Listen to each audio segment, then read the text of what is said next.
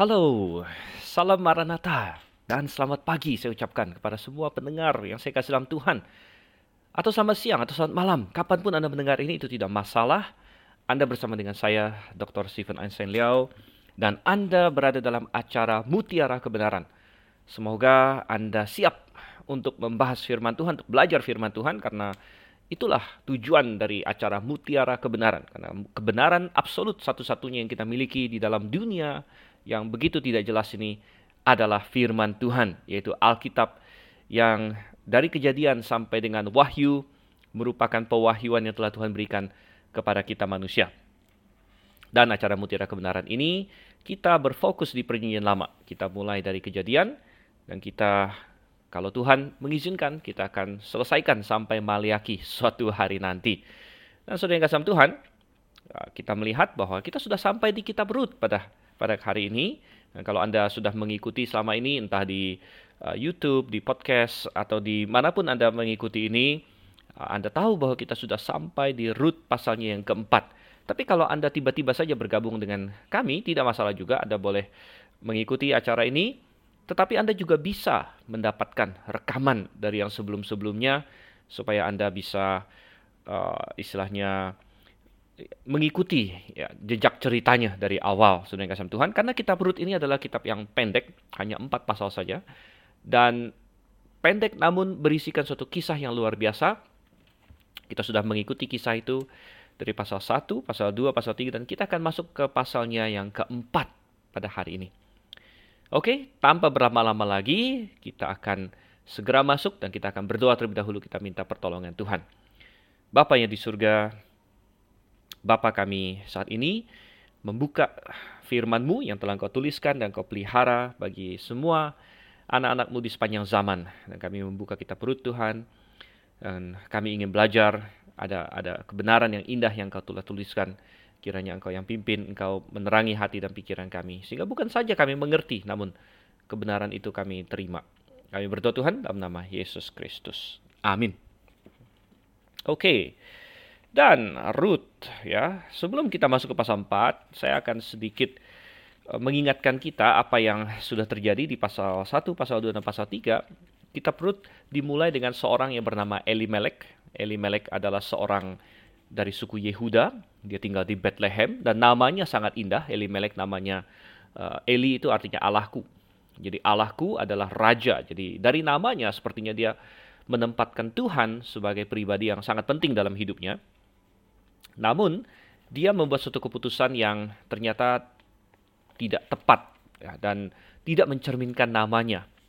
Di Bethlehem terjadi kelaparan dan kita bisa mengasumsikan bahwa semasa masa hakim-hakim karena kita perut ini settingannya adalah di masa hakim-hakim dan kita tahu di masa hakim-hakim orang Israel mengalami berbagai siklus siklus mereka menjauhi dari Tuhan, Tuhan kemudian menghukum mereka dengan menyerahkan mereka kepada bangsa-bangsa lain, kepada musuh-musuh mereka dan lain sebagainya. Dan saya yakin di dalam siklus ketidaktaatan orang Israel itu pasti sering juga terjadi kelaparan ketika karena itu salah satu hal yang Tuhan katakan bahwa kalau orang Israel menyimpang dari Tuhan, salah satu hukuman yang Tuhan akan berikan pada mereka adalah kelaparan. Dan mestinya respon dari orang-orang Israel ketika menghadapi kelaparan di Israel adalah berseru kepada Tuhan, memeriksa hati, berbalik kepada Tuhan. Nah, memang bisa saja Elimelek sendiri dan keluarganya bisa jadi bukan adalah orang-orang yang meninggalkan Tuhan. Dalam pengertian mereka bukanlah orang yang menyembah Baal atau menyembah ilah-ilah lain. Mungkin mereka termasuk orang yang setia sudah kasih Tuhan kepada Tuhan. Uh, namun ya mereka ikut kena getahnya. Ya bagian-bagian Israel yang lain mereka tidak taat sama Tuhan. Akhirnya seluruh bangsa itu jatuh kepada kemiskinan, jatuh kepada kelaparan dan sebagainya. Mereka ikut kena getahnya. Oke, karena keluarga Elimelek kita lihat nanti Naomi adalah perempuan beriman dan walaupun mereka membuat keputusan yang salah, toh akhirnya mereka masih bisa menyaksikan tentang Tuhan kepada bangsa lain. Dan keputusan yang salah yang dibuat Elimelek adalah dia keluar dari Bethlehem, dia pindah ke Moab. dia bukan pindah ke wilayah lain Israel, tapi dia pindah ke Moab, ke suatu bangsa yang tidak mengenal Tuhan, dan kita sudah melihat itu. Di sana bahkan kesalahan kedua adalah uh, anak-anak mereka menikah dengan perempuan Moab, ya, perempuan Moab dan mereka menikah dengan yang namanya Orpa dan Ruth. Dan walaupun belakangan Ruth akhir akhirnya menjadi tokoh utama dari kitab kita, dan menjadi seorang perempuan yang beriman, ya itu tidak membenarkan apa yang dilakukan oleh Mahlon dan Kilion di awalnya. Itu hanyalah membuktikan bahwa Tuhan mampu mendatangkan kebaikan dari kesalahan yang kita lakukan. Elimelek mati, Mahlon dan Kilion mati, dan Naomi harus membuat keputusan. Akhirnya dia memutuskan kembali ke Bethlehem. Dan Orpa dan Ruth harus membuat keputusan betapa berbeda keputusan mereka. Orpa akhirnya membuat pertimbangan jasmani bahwa kalau dia ikut dengan Naomi tidak ada banyak peluang bagi dia. Dia adalah seorang janda yang masih muda, tapi dia seorang asing. Kalau dia kembali ke Israel, dia adalah orang asing, perempuan asing. Dia mungkin didiskriminasi. Naomi tidak bisa menjanjikan apa-apa baginya. Naomi sudah terlalu tua untuk punya anak lain. Dan Orpa mengambil keputusan yang mungkin secara manusiawi kita anggap sangat wajar, sangat masuk akal bahwa dia tetap kembali ke rumah orang tuanya, kembali ke negerinya yang dia sudah tahu, eh, ke keluarganya sendiri, kepada Allah ilah-ilahnya juga. Tetapi Ruth mengambil posisi iman karena uh, satu hal yang penting adalah iman dia. Dia berkata, Allahmu lah Allahku. Dan ya, itu membawa kita kepada pasal yang kedua. Akhirnya Ruth uh, pulang bersama dengan Naomi. Dan dari sana dia sampai ke Bethlehem. Ya, dia sampai ke Bethlehem. Dan Ruth membuktikan diri bahwa dia adalah seorang perempuan yang benar-benar beriman. Bahkan dia tahu tentang aturan. Jadi saya sudah kita sudah bahas di pasal 2. Dia adalah contoh orang yang Mungkin dia belajar firman Tuhan, ya minimal dia ada mendengar, mungkin Naomi ada cerita dan sebagainya bahwa dia bisa keluar, dia bisa keluar dan memungut uh, sisa-sisa uh, tuayan dari ladang-ladang orang. Dan dalam satu kebetulan, saudara kasih Tuhan, kita juga sudah bahas ini. Kebetulan yang bukan kebetulan. Dari sisi manusia kebetulan, tapi dari sisi Tuhan. Tuhan bekerja dalam segala sesuatu. Dan uh, Ruth kebetulan dalam tanda kutip datang ke ladangnya Boas dan ini memperkenalkan kita kepada tokoh utama kita juga yaitu Boas, Boas dan Ruth di sini. Dan Boas ternyata adalah masih keluarga dengan Elimelek sehingga kita katakan Naomi berkata, "Oh, iya benar, dia adalah orang yang kaum salah satu kaum kita." Dan ternyata Boas sangat baik kepada Ruth, ya dia dia mengizinkan Ruth bahkan melindungi Ruth bahkan dia menyuruh uh, anak buahnya untuk sengaja ya menyisakan artinya menuai itu tidak boleh terlalu bersih dan harus menyisakan sebagian untuk Ruth. Dan selama musim menuai Ruth bekerja di ladangnya Boas sampai akhirnya di pasal yang ketiga. Nah, pasal yang ketiga kita sudah bahas di mana uh, di sini adalah suatu kisah cinta, sudah kisah Tuhan, kisah cinta um, bagaimana Ruth ya dan Boas ya, menemukan satu dengan yang lainnya. Dan eh, Ruth akhirnya sesuai dengan aturan pada zaman itu dia sadar Naomi memberitahu Ruth bahwa Boaz adalah salah satu kaum yang seharusnya menebus kamu. Dan kita sudah membahas tentang namanya pernikahan levirate atau dalam bahasa Indonesia-nya pernikahan ipar bahwa ketika seorang janda ya, meninggal tanpa punya anak maka dari keluarga pihak laki-laki seharusnya ada ada satu orang yang uh, mengambil janda ini menjadi istrinya jadi membangkitkan keturunan bagi yang mati itu. Dan ya eh, Naomi mengajari Ruth, ya, Ruth malam-malam pergi ke tempat pengirikan. Kita sudah berkata bahwa tidak ada yang uh, aneh di sini, tidak ada hal-hal yang buruk terjadi, ya. Tapi itu adalah tempat yang semi publik, ya memang itu milik Boas, tetapi karyawan-karyawan dia juga bisa datang ke sana dan sebagainya. Dan di sana Ruth berkata kepada Boas, kembangkanlah kiranya sayapmu melindungi hambamu ini. Ya, dan dan Ruth uh, meminta Boas untuk memainkan peran sebagai penebus, sebagai goel, sedangkan sama Tuhan. Dan Boas berkata, oke, okay, oke. Okay. dan uh, saya yakin bahwa Boas sebenarnya uh, sejak tidak lama sesudah dia bertemu Ruth, dia sudah jatuh cinta kepada Ruth. Dan Ruth juga pastinya dia kagum kepada sosok Boas ini dan dan sebenarnya juga eh, mencintai dia. Tapi saudara kasih Tuhan, kisah Ruth bukan hanya sekedar suatu kisah cinta saja. Kalau hanya kisah cinta saja, ya kenapa Romeo dan Juliet tidak ada dalam Alkitab misalnya kan? Tapi kenapa kisah Boaz dan Ruth ada di dalam Alkitab? Karena ini bukan hanya sekedar kisah cinta. Namun, ini adalah kisah tentang penebusan Tuhan, kisah cinta Tuhan kepada manusia. Dan Boaz adalah lambang dari Yesus Kristus. Dan Ruth menggambarkan kita sebagai orang-orang yang uh, sebenarnya jauh dari Tuhan, namun dia tebus. Oke, dan itu yang akan menjadi tema kita di pasal 4 ini, sambil kita masuk dan kita akan membahas uh, ayat-ayatnya di sini, kita akan melihat tema tersebut. Oke, sekarang kita lihat uh, ayat yang pertama kita akan baca. Boas telah pergi ke pintu gerbang dan duduk di sana. Kebetulan lewatlah penebus yang disebutkan Boas itu. Lalu berkatalah Boas, "Hai saudara, datanglah dahulu kemari, duduklah di sini." Maka datanglah ia lalu duduk. Oke, jadi di pasal 3 Boas berkata, "Aku akan senang untuk menjadi penebusmu." Dan kata penebus di sini ada dari kata goel, saudara kasih Tuhan. Goel, gaal berarti menebus, goel artinya penebus. Jadi itu bahasa Ibrani, gaal menebus, goel penebus. Dan Boas berkata, aku akan sangat senang untuk menebus engkau, Ruth. Tetapi ada ada orang lain yang lebih dekat, gitu. Ada ada karena penebus ini haruslah keluarga dekat. Jadi semakin dekat mereka, semakin kuat peran mereka sebagai penebus dan harus didahulukan.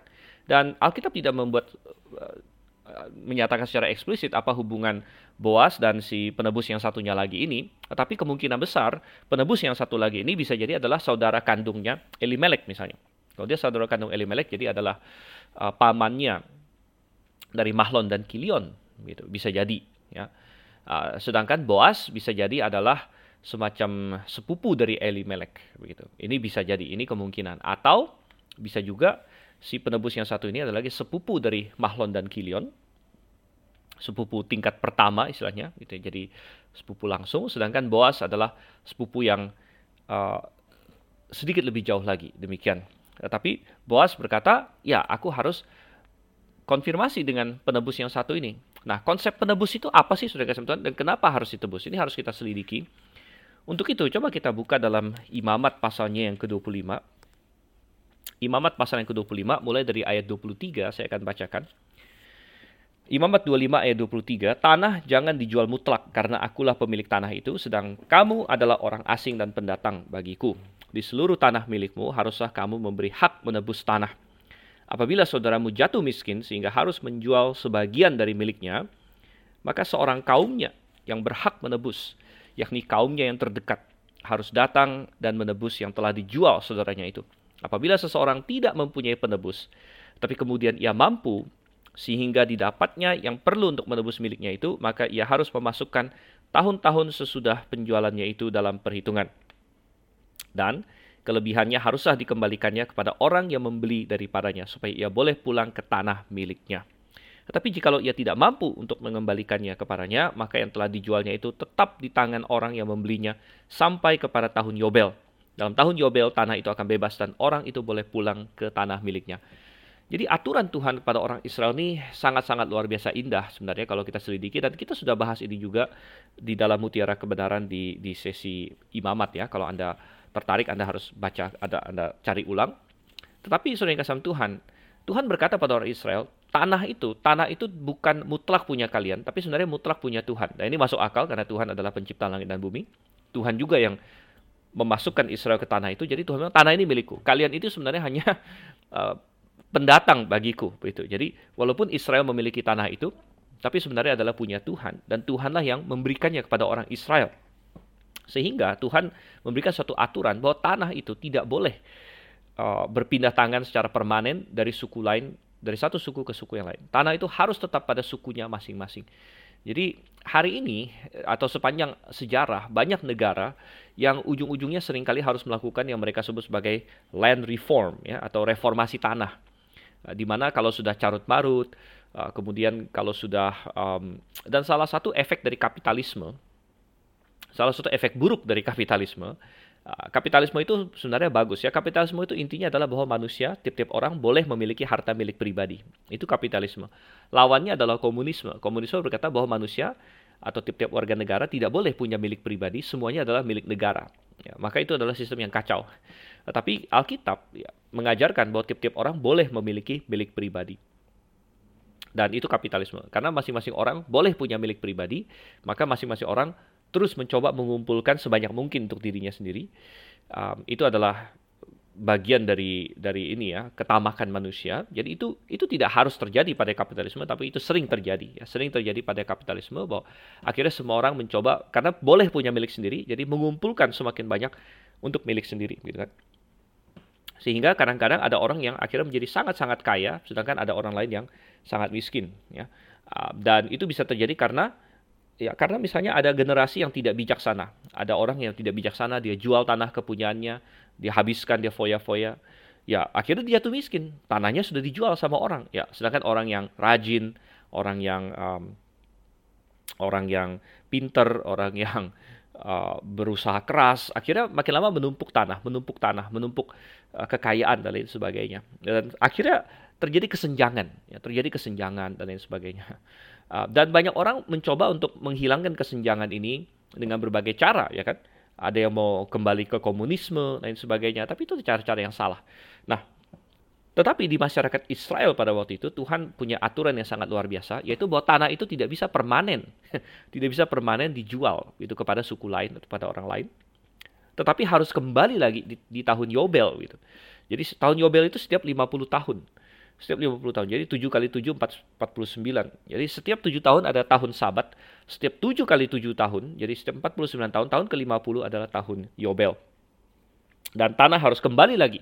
Jadi ini semacam land reform dan ini memastikan bahwa kalaupun ada generasi yang yang kacau, yang miskin dan lain sebagainya, tetapi generasi-generasi selanjutnya punya kesempatan untuk bangkit lagi, begitu.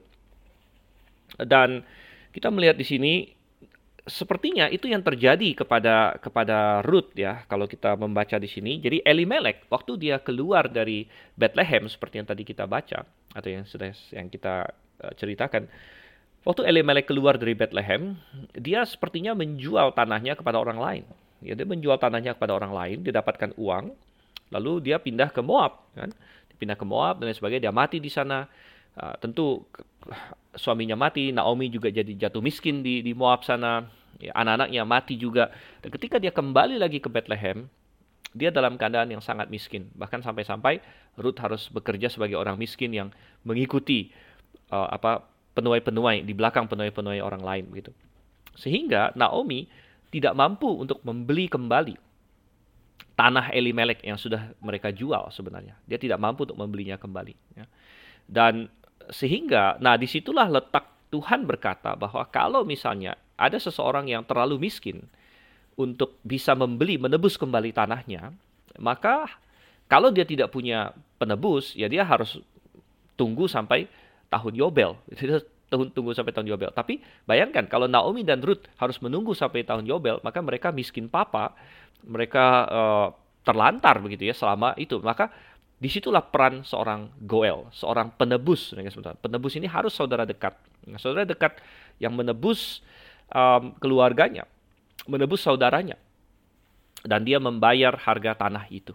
dan uh, itu yang yang akan dilakukan oleh Boas di sini. Coba kita kembali lagi ke Rut pasal 4. Jadi konsep penebus ini sangat penting sekali, konsep Goel ini. Seorang saudara yang menebus kita. Bahkan konsep Goel ini bukan hanya masalah menebus tanah, kasih Tuhan. Konsep Goel ini juga adalah masalah, jadi ada tiga hal. Tiga hal yang dilakukan oleh seorang Goel. Satu, menebus tanah. Dua, ya, seorang Goel uh, menikahi janda yang tidak punya anak untuk membangkitkan keturunan. Jadi menebus tanah, membangkitkan keturunan bagi saudara yang tidak punya keturunan gitu dengan menikahi jandanya. Gitu. Atau poin nomor tiga yang kadang-kadang kita lupakan juga, sebenarnya Goel ada juga banyak disebut dalam ayat-ayat yang berkaitan dengan pembalas darah. Jadi kalau ada seseorang dibunuh, ya saudara terdekatnya bisa menjadi goel dalam pengertian di situ penuntut darah. Dialah yang menuntut bahwa si si pembunuh ini harus dihukum. Gitu. Ingat pada zaman itu belum ada namanya uh, prosecutor atau jaksa gitu kan, jaksa belum ada polisi dan lain sebagainya. Uh, mereka belum punya sistem pengadilan yang yang rumit seperti kita hari ini nanti ada ada pengacara pembela ada jaksa penuntut lain sebagainya mereka belum punya itu jadi siapa yang harus menuntut keadilan seorang goel jadi banyak juga ayat-ayat dalam Alkitab di mana Goel diterjemahkan uh, avenger atau penuntut darah, ya penuntut darah karena saudaranya dibunuh orang, dia yang menuntut keadilan, dia yang me mengutarakan kepada tua-tua dan kepada masyarakat, "Eh, saudara saya dibunuh, ini pembunuhnya" dan sebagainya. Dan dia yang yang menuntut keadilan ditegakkan gitu. Jadi itu adalah tiga tugas dari Goel.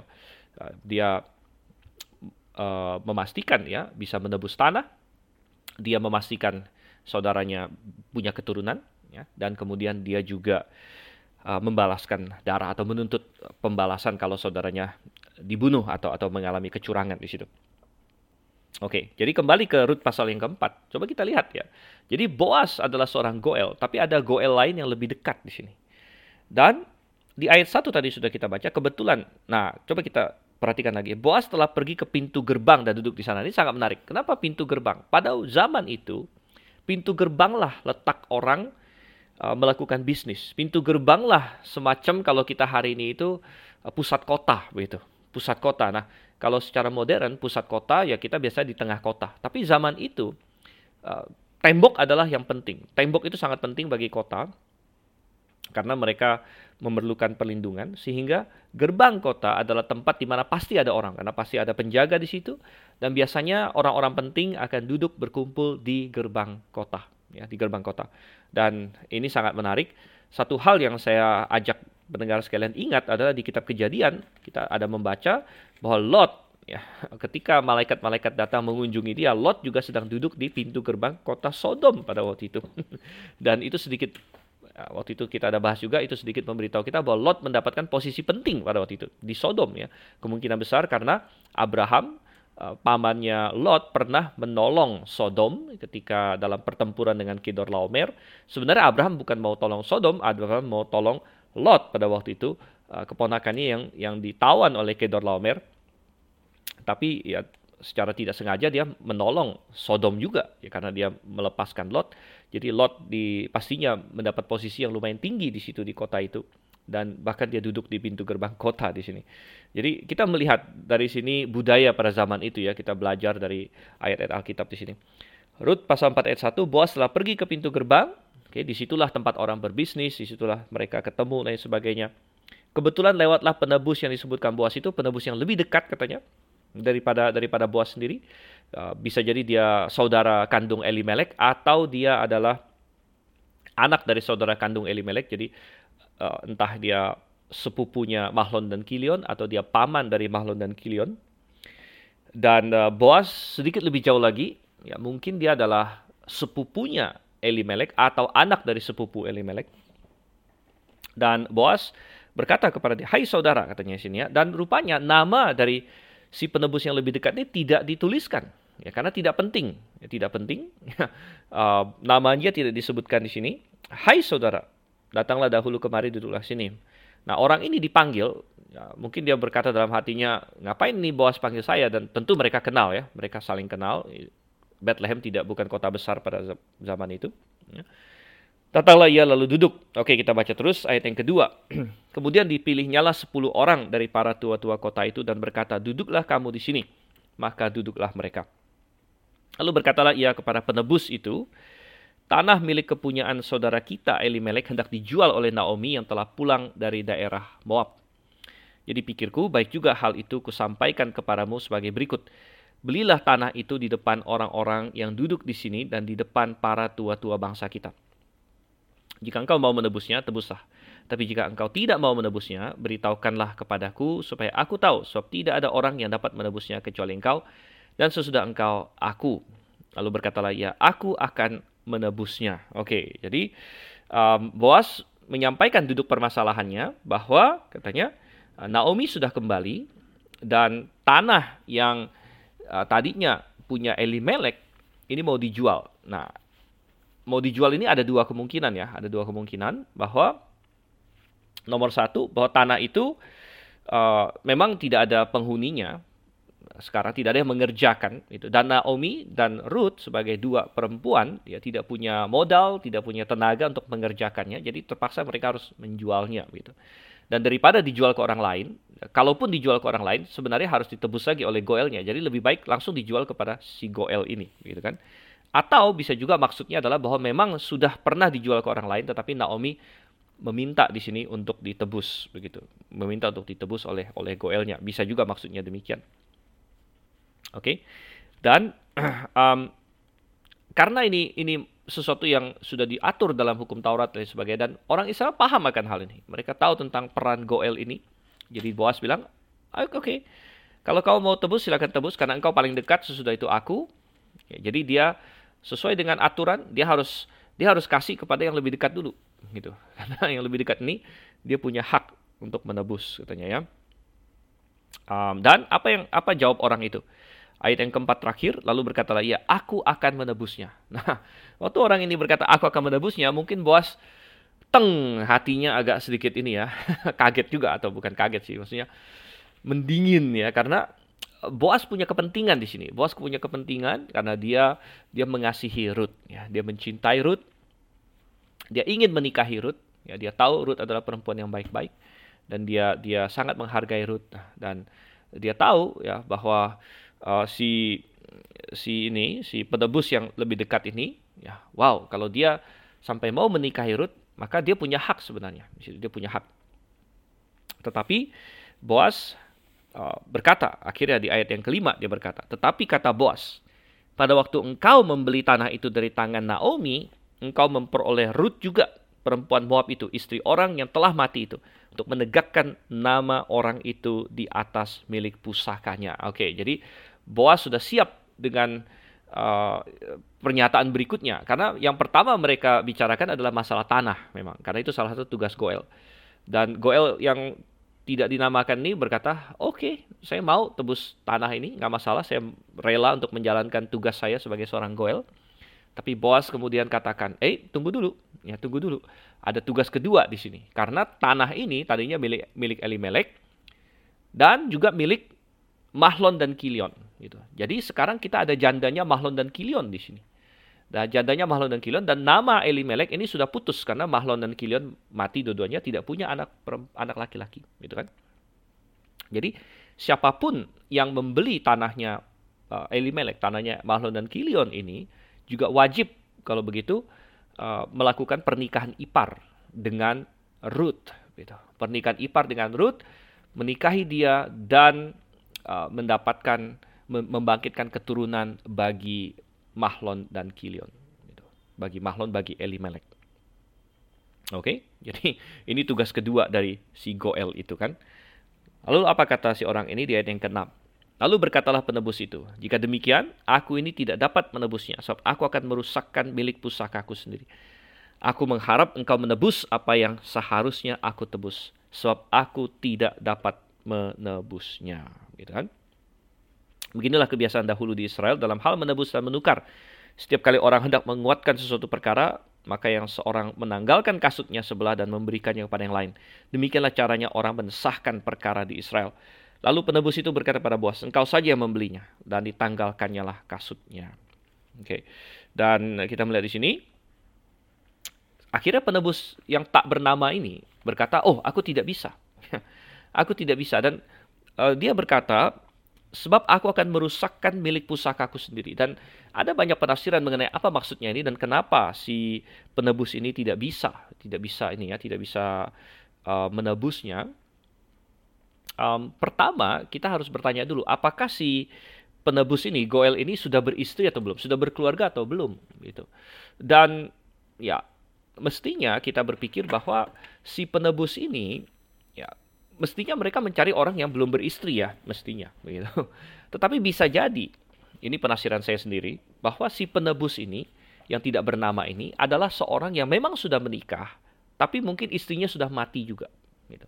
Jadi istrinya sudah mati, dia sudah menjadi duda, gitu. Dia punya anak, ya.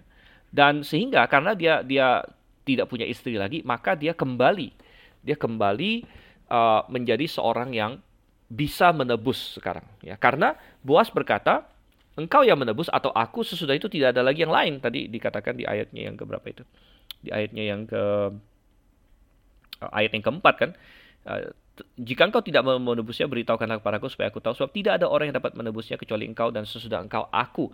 Padahal kita tahu bahwa di zaman itu kebanyakan keluarga itu banyak anak gitu. Banyak anak kebanyakan keluarga. Bahkan kalau kita lihat keluarga Daud misalnya, Daud saja anak ke-8, anak laki ke-8 saudara teman Jadi kenapa kok keluarganya cuma sedikit di sini?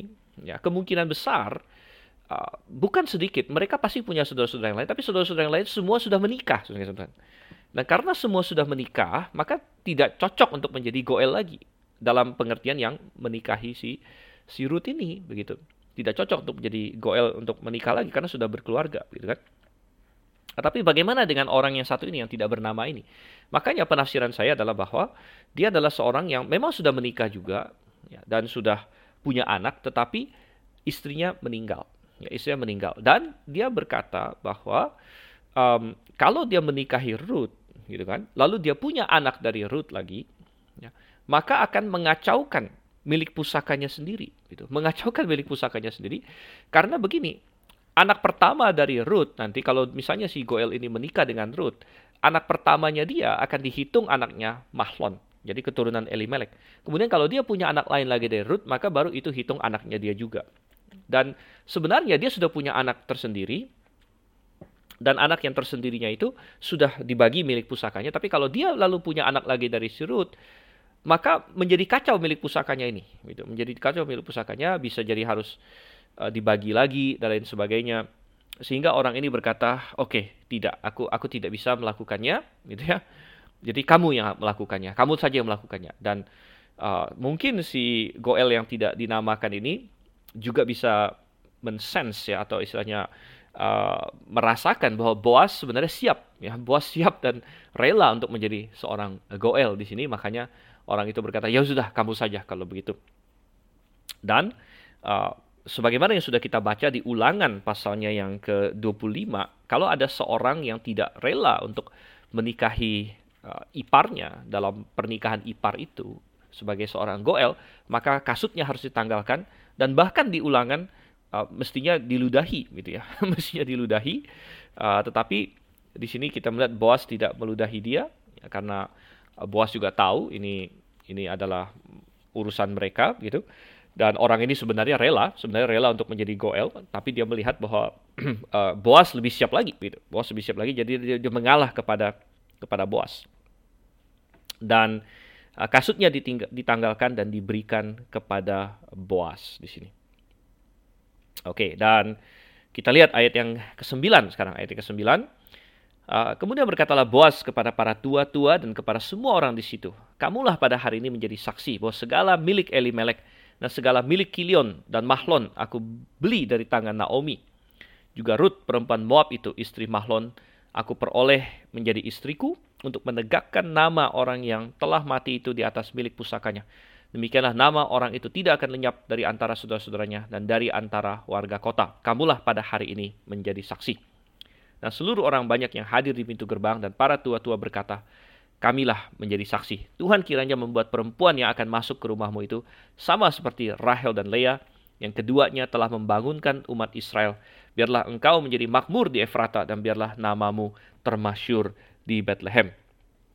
Keturunanmu kiranya menjadi seperti keturunan Peres yang dilahirkan Tamar bagi Yehuda oleh karena anak-anak yang akan diberikan Tuhan kepadamu dari perempuan muda ini. Oke, jadi kita melihat um, Boas mengumumkannya secara publik.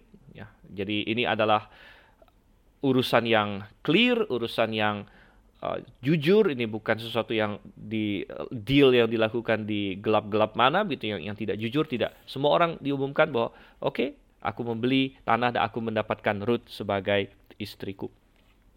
Dan saudara kasih Tuhan, ini adalah gambaran yang sangat indah tentang Yesus Kristus, gambaran yang sangat indah tentang keselamatan kita. um, Ruth adalah gambaran kita sebagai umat manusia. Ya. Uh, kita punya kita dalam kondisi yang sangat terpuruk sebagaimana Ruth pada saat itu dalam kondisi yang sangat terpuruk. Ruth adalah uh, dia adalah seorang janda yang tanpa anak. Janda tanpa anak, suatu kondisi yang lemah di masyarakat pada waktu itu. Dan kita juga lemah, kita sangat lemah terhadap dosa. Kita tidak punya kuasa untuk melawan dosa, melawan tirani dosa. Dan kemudian kita melihat Ruth adalah seorang dari seorang perempuan asing. Dia adalah seorang Moab yang tadinya jauh dari Tuhan. Kita juga tadinya jauh dari Tuhan, Tuhan. Bahkan sebenarnya dalam ulangan pasal yang 23, sebenarnya ada ada aturan dalam ulangan 23 ayat yang ketiga, ada aturan bahwa seorang Moab tidak boleh masuk dalam jemaah Tuhan. Tidak boleh masuk dalam jemaah Tuhan. Jadi uh, orang Moab adalah gambaran orang yang jauh dari Tuhan, yang telah dieksklusikan keluar dari umat Tuhan. Ya, namun ya, itulah kondisi kita. Dan di dalam Efesus pasal 2 ayat yang ke-13 coba kita buka sini ya. Ini menggambarkan kondisi rohani kita Efesus pasal 2 ayatnya yang ke-13. Uh, saya bacakan di sini. Uh, tetapi sekarang atau dari ayat 11 lah. Karena itu ingatlah bahwa dahulu kamu sebagai orang-orang bukan Yahudi menurut daging yang disebut orang-orang tak bersunat oleh mereka yang menamakan dirinya sunat, yaitu sunat lahiriah yang dikerjakan oleh tangan manusia. Bahwa waktu itu kamu tanpa Kristus tidak termasuk keluarga Israel. Ini menggambarkan seperti Ruth di sini ya. Tanpa Kristus tidak termasuk keluarga Israel. Dan tidak mendapat bagian dalam ketentuan-ketentuan yang dijanjikan tanpa pengharapan dan tanpa Allah di dalam dunia ayat 13. Tapi sekarang di dalam Kristus Yesus, kamu yang dahulu jauh sudah menjadi dekat oleh darah Kristus. Oke, kamu yang jauh telah menjadi dekat oleh darah Kristus. Jadi inilah penebusan. Kita tadinya adalah seperti Ruth, ya, kita kita memerlukan seorang goel, kita memerlukan penebus. Kita adalah orang yang jauh, kita adalah orang yang lemah dalam dosa, kita terbelenggu oleh dosa. Status kita rendah, sudah kasih Tuhan. Namun Boas menjadi penebus Ruth di sini dan Boas adalah gambaran dari Yesus Kristus. Uh, oleh karena itulah Yesus Kristus datang untuk menjadi manusia. Karena seorang Goel haruslah kerabat sudah kasih Tuhan. Dan Yesus tadinya Tuhan, bagaimana dia menjadi kerabat kita? Makanya dia lahir sebagai manusia. Dan lahir sebagai manusia berarti dia sebagai manusia, dia adalah kerabat kita. Coba kita buka di dalam Ibrani pasalnya yang kedua. Ibrani pasal yang ke kedua ayatnya yang ke-14 ya, ayat yang ke-14 saya bacakan.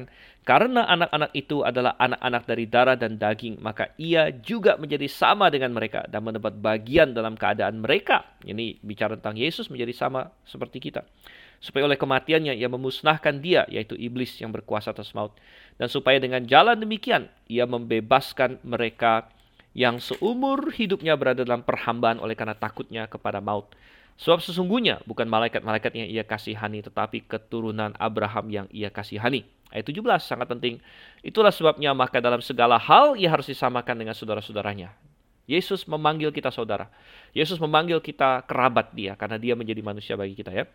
Ia harus disamakan dengan saudara-saudaranya supaya ia menjadi imam besar yang menaruh belas kasihan dan yang setia kepada Allah untuk mendamaikan dosa seluruh bangsa. Sebab oleh karena ia sendiri telah menderita karena pencobaan, maka ia dapat menolong mereka yang dicobai. Jadi dia adalah kerabat kita dan kemudian dia membayar harga untuk menebus kita. Jadi Goel harus membayar harga. Boas akhirnya mengeluarkan uang untuk membeli ya tanahnya eh, tanahnya Elimelek dari dari mungkin orang lain kemungkinan ya dari orang lain yang sudah sudah uh, ini mereka sudah jual tanah itu kepada orang lain dan daripada menunggu tahun Yobel Ya, kalau misalnya eh, tidak ada yang menebus, ya, maka Naomi dan Ruth harus menunggu sampai tahun Yobel. Bisa jadi mereka sudah mati duluan. Bisa jadi tahun Yobel masih jauh. Ya, kita tidak tahu. Bisa jadi mereka akan mati duluan, mati dalam kelaparan dan dan dan kemiskinan, gitu kan. Tetapi ada seorang Boas yang akhirnya membeli tanah itu dia dia dia beli dia dia, dia bayar harganya dan Yesus Kristus membayar harga yang dibutuhkan untuk menebus kita dari dosa. Coba kita buka di dalam 1 Petrus pasal 1 ayat 18 dan 19. 1 Petrus 1 ayat 18. Sebab kamu tahu bahwa kamu telah ditebus dari cara hidupmu yang sia-sia yang kamu warisi dari nenek moyangmu itu. Bukan dengan barang yang fana, bukan pula dengan perak atau emas. Ya, kalau Boas mungkin dia pakai uang, tapi Tuhan Yesus ayat 19-nya melainkan dengan darah yang mahal yaitu darah Kristus yang sama seperti darah anak domba yang tak bernoda dan tak bercacat.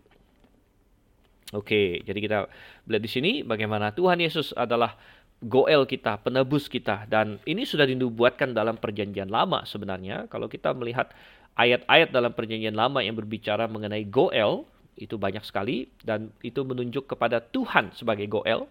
Dan kita bisa buka ini, misalnya Anda buka Yesaya ya. Kalau Anda buka Yesaya, Anda bisa lihat ada banyak ayat di situ.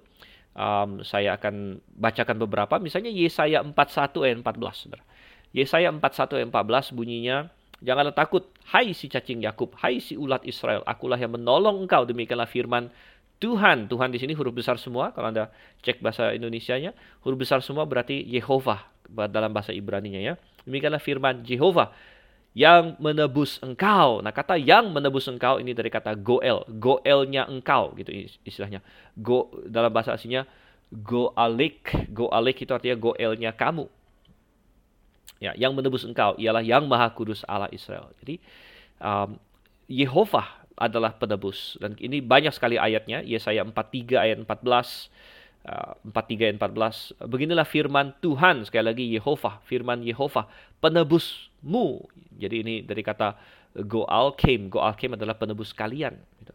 Dan banyak lagi, Yesaya 44 ayat 6, beginilah firman Tuhan Yehova sekali lagi di situ, raja dan penebus Israel. Kata penebus di situ sekali lagi dari kata Goel dan banyak lagi banyak lagi. Jadi di dalam perjanjian lama Jehovah adalah Goel, di dalam perjanjian baru Yesus adalah penebus. Jadi itu berarti apa? Yesus adalah Jehovah, saudara Tuhan. Yesus adalah Jehovah. Dia adalah Tuhan. ya, ini adalah menunjukkan keilahian dari Yesus Kristus yang sangat luar biasa. Dan um, kita melihat di sini kalau misalnya Ruth menggambarkan kita manusia yang percaya, ya, menggambarkan manusia yang percaya, lalu Boas menggambarkan Yesus Kristus, bagaimana dengan si Goel yang tidak ternama ini atau penebus yang tadinya punya yang lebih dekat istilahnya kan, penebus yang lebih dekat yang tidak dikasih tahu namanya yang akhirnya tidak jadi menebus, itu tidak jadi menebus. Ini menggambarkan apa? Dan uh, saya berkata bahwa dia ini menggambarkan hukum Taurat. Menggambarkan hukum Taurat. Kenapa dia menggambarkan hukum Taurat? Ya, karena ujung-ujungnya hukum Taurat tidak bisa menebus kita. Dia tidak bisa menebus kita walaupun hukum Taurat memiliki klaim atas diri kita. Klaim yang lebih lebih dekat karena sebelum kita kenal Yesus Kristus, kita sudah kenal hukum, kita sudah kenal dosa sebagai Tuhan. Nah, jadi hukum itu sudah ada dan hukum memiliki klaim klaim yang lebih dekat kepada kita ya karena karena kita adalah orang berdosa gitu. Ya, jadi hukum Taurat sudah dari dari awal kita sudah kenal hukum Taurat. Dan mungkin Anda berkata, dari mana? Ya, karena hukum Taurat itu ada dalam hati nurani kita. Bahkan orang yang non-Israel pun, dalam Roma pasal 2, Tuhan katakan, orang yang tidak tahu hukum Taurat pun, di dalam hatinya ada hukum Taurat. Jadi dari kecil kita sudah tahu, oh ternyata saya melanggar. Saya melanggar hati nurani saya. Saya berdosa dan lain sebagainya. Dan itu adalah klaim yang lebih dekat, ya, klaim yang lebih dekat. Tetapi ujung-ujungnya dia tidak mampu menebus kita. Dia tidak mampu menebuskan menebus kita. Bahkan dikatakan um, si si penebus yang mau menebus ini kan berkata, aku tidak bisa menebusnya karena aku akan merusak milik pusakaku. Ya, kalau hukum Taurat mau menebus manusia, maka dia harus merusak standar hukum Taurat itu sendiri. Karena standar hukum Taurat adalah, eh kalau kamu berdosa, kamu harus dihukum dan standarnya sangat tinggi. Dan kalau hukum Taurat mau menjadi jalan keselamatan, maka hukum Taurat harus menghilangkan standarnya sendiri. Bahwa berkata, oke okay lah, walaupun kamu gagal, walaupun kamu melanggar hukum, kamu boleh masuk sorga. Tapi kan tidak mungkin. Tidak mungkin hukum Taurat, tidak mungkin hukum itu menurunkan standarnya. Oleh karena itu sama seperti si penebus yang tak tak bernama ini. Dia berkata, ya aku aku tidak bisa menebus. Ya, kamulah yang menebus. Demikian juga hukum Taurat. Ujung-ujungnya tidak bisa menebus kita. Dan menyerahkan penebusan itu kepada Yesus Kristus. Dan eh, Yesus Kristuslah penebus yang sesungguhnya. Dan terakhir mengenai masalah Goel ini, saya ingin mengajak kita melihat satu poin lagi, yaitu bahwa Ruth, ya Ruthlah yang di pasal 3 diajar oleh Naomi, kamu harus datang kepada Boas dan minta dia menjadi Goel. Dan ini adalah satu hal yang sangat menarik karena biasanya biasanya di masyarakat ya, apalagi di masyarakat Israel dulu yang masih sangat konservatif, bahkan di masyarakat sekarang pun ya saya rasa walaupun sekarang sudah modern dan banyak hal yang sudah terbalik-terbalik saya rasa kebanyakan masyarakat masih menganggapnya jauh lebih tepat kalau seorang laki-laki yang meminta seorang perempuan untuk menjadi istrinya ya kan? ya, jadi laki-laki yang harus ambil inisiatif, misalnya seorang laki-laki mencintai seorang perempuan, dia yang datang, dia yang dia yang proposal, dia yang berkata maukah kamu menjadi istriku? Ya. Uh, biasanya tidak dianggap pada tempatnya seorang perempuan, itu seorang perempuan yang datang lalu uh, mau istilahnya mengejar seorang laki-laki. Ya. Biasanya itu dianggap uh, tidak begitu pantas begitu. Apalagi di zaman Israel dulu, ya mestinya seorang laki-laki yang yang duluan atau karena mereka biasanya uh, dari sisi orang tua biasanya uh, seorang uh, comblang istilahnya ya seorang matchmaker ya seorang perantara yang akan memfasilitasi ya, tapi uh, biasanya itu dari dari pihak laki-laki atau dari pihak perempuan gitu. Tetapi dalam pernikahan ipar ini, ini ada suatu pengecualian. Dalam pernikahan ipar ini, kalau kita baca di dalam um, tadi ulangan ya, ulangan pasalnya yang ke-25 mengenai pernikahan ipar bahwa rupanya dalam masalah pernikahan ipar seorang janda yang tidak punya anak uh, dia dia punya hak untuk meminta ya, saudara suaminya ya, meminta saudara suaminya untuk melakukan tugas goel ini. Dia punya hak untuk meminta itu. Tetapi um, saudara-saudaranya itu tidak akan memaksa janda ini. Ya tidak akan memaksa janda ini tidak akan uh, istilahnya mereka yang yang sepertinya memaksa gitu. Tidak tetapi perempuan ini punya hak. Dan perempuan ini yang harus minta begitu. Perempuan ini harus minta kepada saudaranya bahwa eh kamu tebuslah aku begitu. Dia yang harus meminta ya. Dan kalau orang itu tidak mau ya orang itu tidak mau saudara itu tidak mau coba kita baca lagi deh ulangan pasal 25 gitu kan um, misalnya ayat yang ketujuh, ya, uh, ulangan 25 ayat 7, tetapi jika orang itu tidak suka mengambil istri saudaranya, maka haruslah istri saudaranya itu pergi ke pintu gerbang menghadap para tua-tua serta berkata, Iparku menolak menegakkan nama saudaranya di antara orang Israel. Ia tidak mau melakukan kewajiban perkawinan ipar dengan aku. Jadi kita melihat di sini, si, si janda ini yang berinisiatif, dia yang meminta kepada eh, saudara suaminya untuk melakukan pernikahan ipar. Dan kalau misalnya si suami eh, si saudara suaminya tidak mau, dia yang harus bawa kepada para tua-tua. Jadi inisiatif ada pada si janda ini gitu. Ah, dan kita melihat itu yang yang diajarkan Naomi kepada Ruth gitu. Ruth, kamu yang harus pergi ke Boaz dan minta dia untuk menjadi Goel gitu. Dan ini menggambarkan ini menggambarkan eh, tentu sekali lagi keselamatan ya, di mana Yesus Kristus yang digambarkan oleh Boas siap menjadi Goel. Siap menjadi Goel. Dan kita bisa membaca bahwa Boas dari awal, dari pasal 2, dia sudah sangat terkesan dengan dengan Ruth. Dia terkesan dengan Ruth. Dia berkata, telah diceritakan orang-orang kepadaku bahwa engkau adalah seorang wanita baik-baik. Dan ternyata memang benar tadi di, di pasal 4 kita membaca bagaimana uh, ketika Boas mengumumkan bahwa dia akan menikahi Ruth, semua orang Bethlehem uh, memberkati dia. Semua mereka memberikan sel ucapan selamat dan mereka bilang, "Oh, hendak kiranya Tuhan memberkati engkau seperti memberkati Rahel dan Leah, seperti memberkati uh, Tamar dan lain sebagainya." Jadi, semua orang Bethlehem rupanya tahu akan reputasi Ruth yang baik dan ketika mereka mengetahui bahwa Boas akan menikah dengan Ruth dan mereka tahu Boas adalah seorang yang baik juga dia pasti punya kesaksian yang indah di Bethlehem akan menikah dengan Ruth seorang perempuan Moab tapi perempuan yang sangat baik sangat baik kepada Naomi dan punya reputasi yang baik tidak lari sana sini kejar-kejar laki-laki semua orang Bethlehem uh, turut bersuka cita untuk mereka. Ini memberitahukan kita uh, reputasi dari Ruth yang yang yang baik di sini ya di di Bethlehem. Tapi kembali ke tadi poin tadi bahwa uh, Naomi kasih tahu kepada Ruth dan sebenarnya Boas, Boas sudah dari dari lama dia sudah tertarik dengan Ruth rupanya, gitu. Dia sudah ter, terpukau dengan Ruth dan dia kagum dengan Ruth dan dia mencintai Ruth. Tetapi sekali lagi dalam masalah pernikahan ipar harus si janda ini yang berkata aku mau, aku mau engkau menebus aku. Engkau aku aku meminta engkau menebus aku. Dan itu yang dilakukan Ruth di pasal yang ketiga. Dan sekali lagi Yesus Kristus sudah mengasihi kita dari lama-lama. Dia sudah mati dari kayu salib bagi kita. Dia sudah siap untuk menjadi penebus kita. Dan dia sudah sudah mati dari kayu salib membayar harganya tetapi harus kita datang dan berkata Tuhan selamatkan aku. Kita harus berseru. Sebagaimana yang Alkitab katakan para siapa berseru kepada nama Tuhan ia akan diselamatkan. Kita harus berseru dan ketika kita berseru maka Tuhan menyelesaikan semua sisanya. Jadi keselamatan bukanlah kerja kita, kita tidak mampu membayarnya, kita tidak mampu urus semuanya, kita tidak mampu uh, mensettle hutang kita dengan hukum Taurat dan lain sebagainya, tapi kita serahkan kepada Tuhan. Maka Boas berkata kepada Ruth, oke, okay, kamu tinggal menanti, duduk saja menanti di rumah, aku akan urus ini. Dan itu itu yang Yesus lakukan. uh, Boas lakukan itu, dia urus, dia urus dengan si Goel yang tak bernama ini, dia urus masalah beli beli ladangnya, dia urus masalah pengumuman pernikahannya, dia urus bahkan dia mewakili Ruth. Ya, mestinya kan tadi di ulangan 25 Ruth janda itu yang mengambil kasut ya dan bahkan meludahi meludahi mukanya orang yang tidak mau ya, pernikahan itu kan. Tapi uh, Boas mewakili Ruth untuk melakukannya. Dia Yesus Kristus mewakili kita untuk mati sebagai salib dia menyelesaikan hutang-hutang kita kepada hukum Taurat. Dia membayar apa yang perlu dibayar.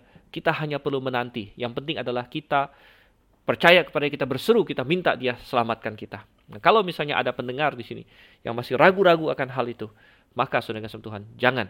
Jangan ragu-ragu, Yesus adalah Goel, Yesus adalah penebus, dia datang sebagai manusia untuk menjadi kerabat kita dan kita hanya perlu berseru kepadanya.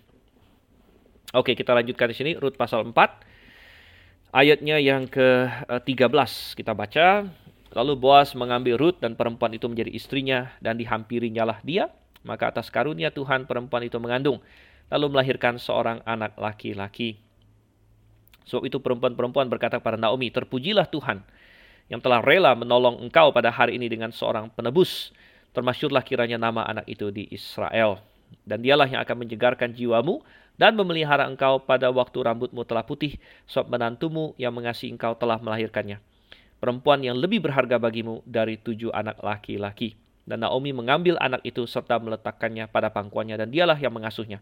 Dan tetangga-tetangga perempuan memberi nama kepada anak itu katanya. Para Naomi telah lahir seorang anak laki-laki. Lalu mereka menyebutkan namanya Obed.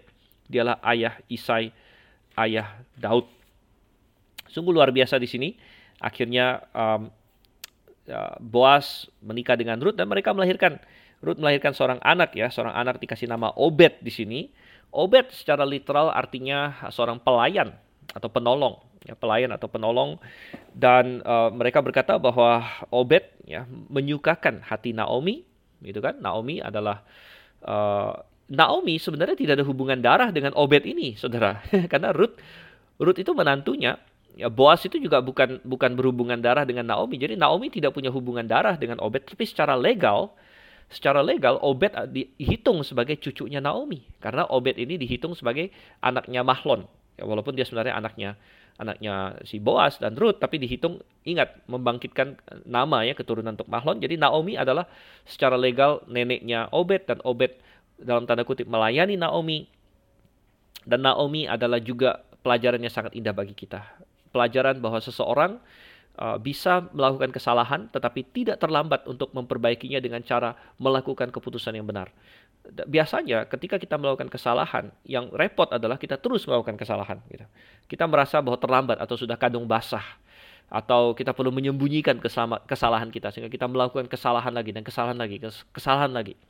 Tetapi um, sebenarnya kita membuat kesalahan pun tidak ada kata terlambat. Naomi bahkan 10 tahun di Moab. Tapi 10 tahun ya sudah, itu 10 tahun. Dan dia akhirnya memutuskan untuk kembali ke Bethlehem. Dia tetap berpegang kepada Tuhan. Dan ini adalah suatu pelajaran bahwa dalam kesalahan pun Tuhan bisa memberkati kita. Dalam kesalahan pun kalau kita berbalik kepadanya Tuhan mampu uh, memakai hal-hal yang yang salah untuk mendatangkan kebaikan. Dan salah satu kebaikan yang Tuhan datangkan melalui kesalahan adalah Ruth. Memang kalau Naomi tidak pergi ke Moab, dia nggak akan pernah ketemu Ruth, saudara kasih Tuhan. Um, tetapi ya itu sama seperti kita katakan Tuhan mendatangkan hal yang baik. Misalnya dalam kesalahan Daud, Daud berzina dengan Bathsheba. Itu salah, Tuhan hukum Daud.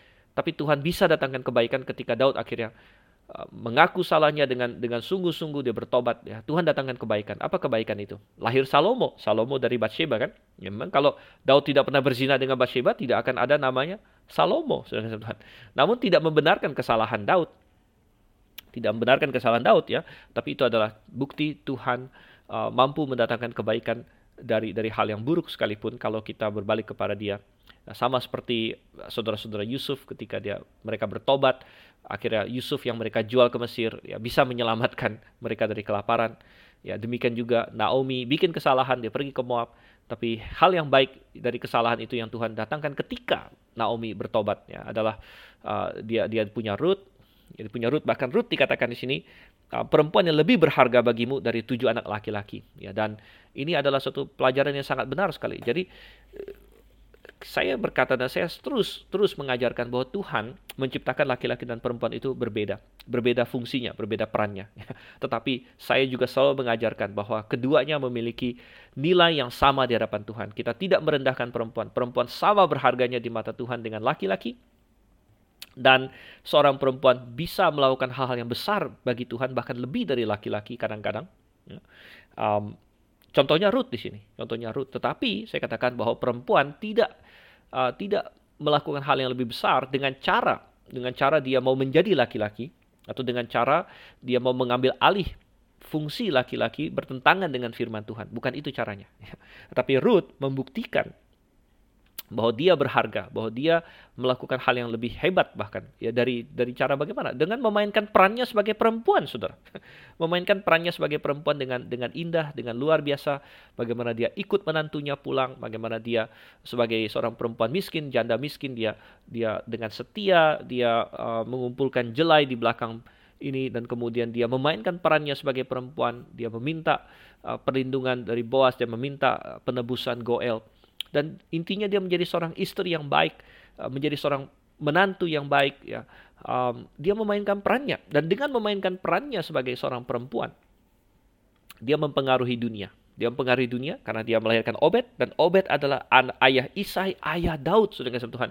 Jadi dia memainkan peran, dia menggoncang dunia karena melalui dialah jalur Mesias akan datang. Ya, terlalu banyak perempuan hari ini dibohongi oleh iblis, oleh dunia dan mereka berpikir bahwa satu-satunya cara mereka bisa apa ya mendapatkan hidup yang bermakna. Satu-satunya cara bahwa mereka bisa uh, mempengaruhi dunia dan sebagainya adalah uh, meniru laki-laki meniru laki-laki. Sehingga banyak sekali perempuan berpikir kalau saya tidak punya karir maka uh, saya tidak bekerja di perusahaan mana uh, maka saya saya menyanyiakan hidup saya dan lain sebagainya. Tidak juga, saudara Tuhan.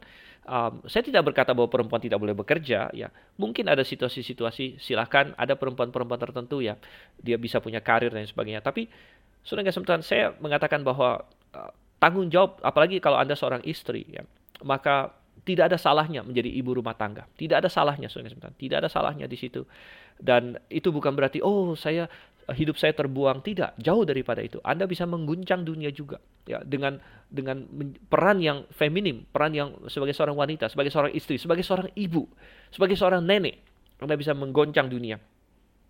Karena melalui anda melalui pendidikan yang anda berikan pada anak-anak anda kepada cucu-cucu anda anda bisa menghasilkan generasi yang selanjutnya yang yang yang beriman ya. Dan kita baca terus um, di ayat yang ke-18 ini ada silsilah inilah keturunan Peres Peres memperanakan Hezron Hezron memperanakan Ram Ram memperanakan Aminadab Aminadab memperanakan Nahason Nahason memperanakan Salmon Salmon memperanakan Boas Boas memperanakan Obed Obed memperanakan Isai dan Isai memperanakan Daud. Dan dari sini kita tahu bahwa tujuan si penulis kitab Rut yang kita percaya adalah Samuel adalah untuk menarik garis ini kepada Daud dan kita tahu bahwa Daud akhirnya akan ditarik garisnya sampai kepada Yesus Kristus. Dan sekali lagi, Ruth akhirnya menjadi salah satu nama perempuan yang disebut dalam silsilah Tuhan Yesus di dalam Injil Matius. Um, dia adalah seorang wanita yang luar biasa di sini. Uh, dan uh, kita bisa belajar banyak dari Ruth. Ya, Ruth setia pada peran dia, setia kepada Tuhan, dia membuat keputusan iman dan akhirnya dia dia melahirkan keturunan yang selanjutnya. Dan saudara yang kasih Tuhan, saya ingin menarik garis juga kepada apa yang dikatakan um, di ayatnya yang ini ya. Ayat yang ke-13, kembali ke Rut 14 ayat 13. Maka atas karunia Tuhan, perempuan itu mengandung lalu melahirkan seorang anak laki-laki.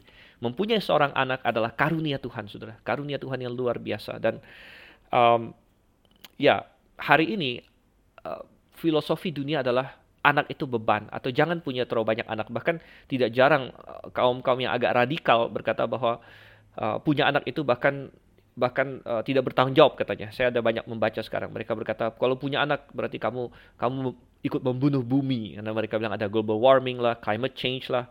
Uh, punya anak kamu kamu tidak bertanggung jawab dan sebagainya. Jadi malah berbalik ya. Tapi sebenarnya Tuhan, orang Kristen yang Alkitabiah seharusnya berkata tidak. Tidak ya. Tuhan uh, perintah Tuhan bagi kita untuk beranak cucu memenuhi bumi masih berada masih masih on ya. Dan um, anak adalah berkat ya. Bahkan solusi-solusi bagi segala macam masalah dunia ini uh, bisa didapatkan kalau bukan dengan cara mengurangi anak, tetapi dengan menghasilkan anak-anak yang mengasihi Tuhan. Ya. Dan masalah rohani saja diselesaikan dengan cara datangnya Mesias yang adalah melalui kelahiran seorang anak. Ya. Um, kalau semua manusia tidak mau punya anak, juru selamat tidak akan pernah lahir. Tetapi Ruth akhirnya dia punya anak ya. Dia punya anak um, dan anaknya adalah dalam jalur Mesias ternyata ya. Dan Yusuf dan Maria Maria dia berkata jadilah kepadamu kehendak kehendak Tuhan ya, jadilah kepadaku kehendak Tuhan dan dia melahirkan Yesus Kristus ya. tapi kalau semua dunia tidak mau melahirkan anak um, Yesus Kristus tidak mungkin hadir. Dan bukan hanya itu saja ya. Uh, jadi solusinya bukan bukan stop melahirkan anak tapi mendidik anak dengan baik, melahirkan anak, melihat itu karunia Tuhan, mendidik mereka dalam jalan Tuhan, sehingga mereka menjadi orang-orang yang akan uh, bersumbangsi sangat positif kepada dunia ini. Mereka akan menjadi penemu-penemu, mereka menjadi ilmuwan-ilmuwan, mereka menjadi saksi-saksi bagi Kristus, mereka akan menjadi uh, pemimpin-pemimpin yang yang kuat, mereka menjadi uh, orang-orang yang benar, teladan di dunia ini. Itu yang perlu kita lakukan. Oke, okay? jadi itu adalah root. Banyak sekali pelajaran dalamnya. Uh, mari kita pelajari, mari kita uh, Mari kita mengambil langkah iman kita. Jadi jangan hanya kita belajar saja, tapi kita juga mengambil langkah iman kita seperti Ruth, seperti Naomi yang bertobat, seperti Boas yang melakukan tugasnya. Mari kita lakukan. Sampai berjumpa kembali dalam sesi yang selanjutnya, dalam seri yang selanjutnya kita akan masuk ke satu Samuel dan ya sesuai dengan izin Tuhan kita akan lakukan itu. Masih bersama dengan saya Dr. Sifan Liao. Ingat terus, ambil langkah iman. Maranatha.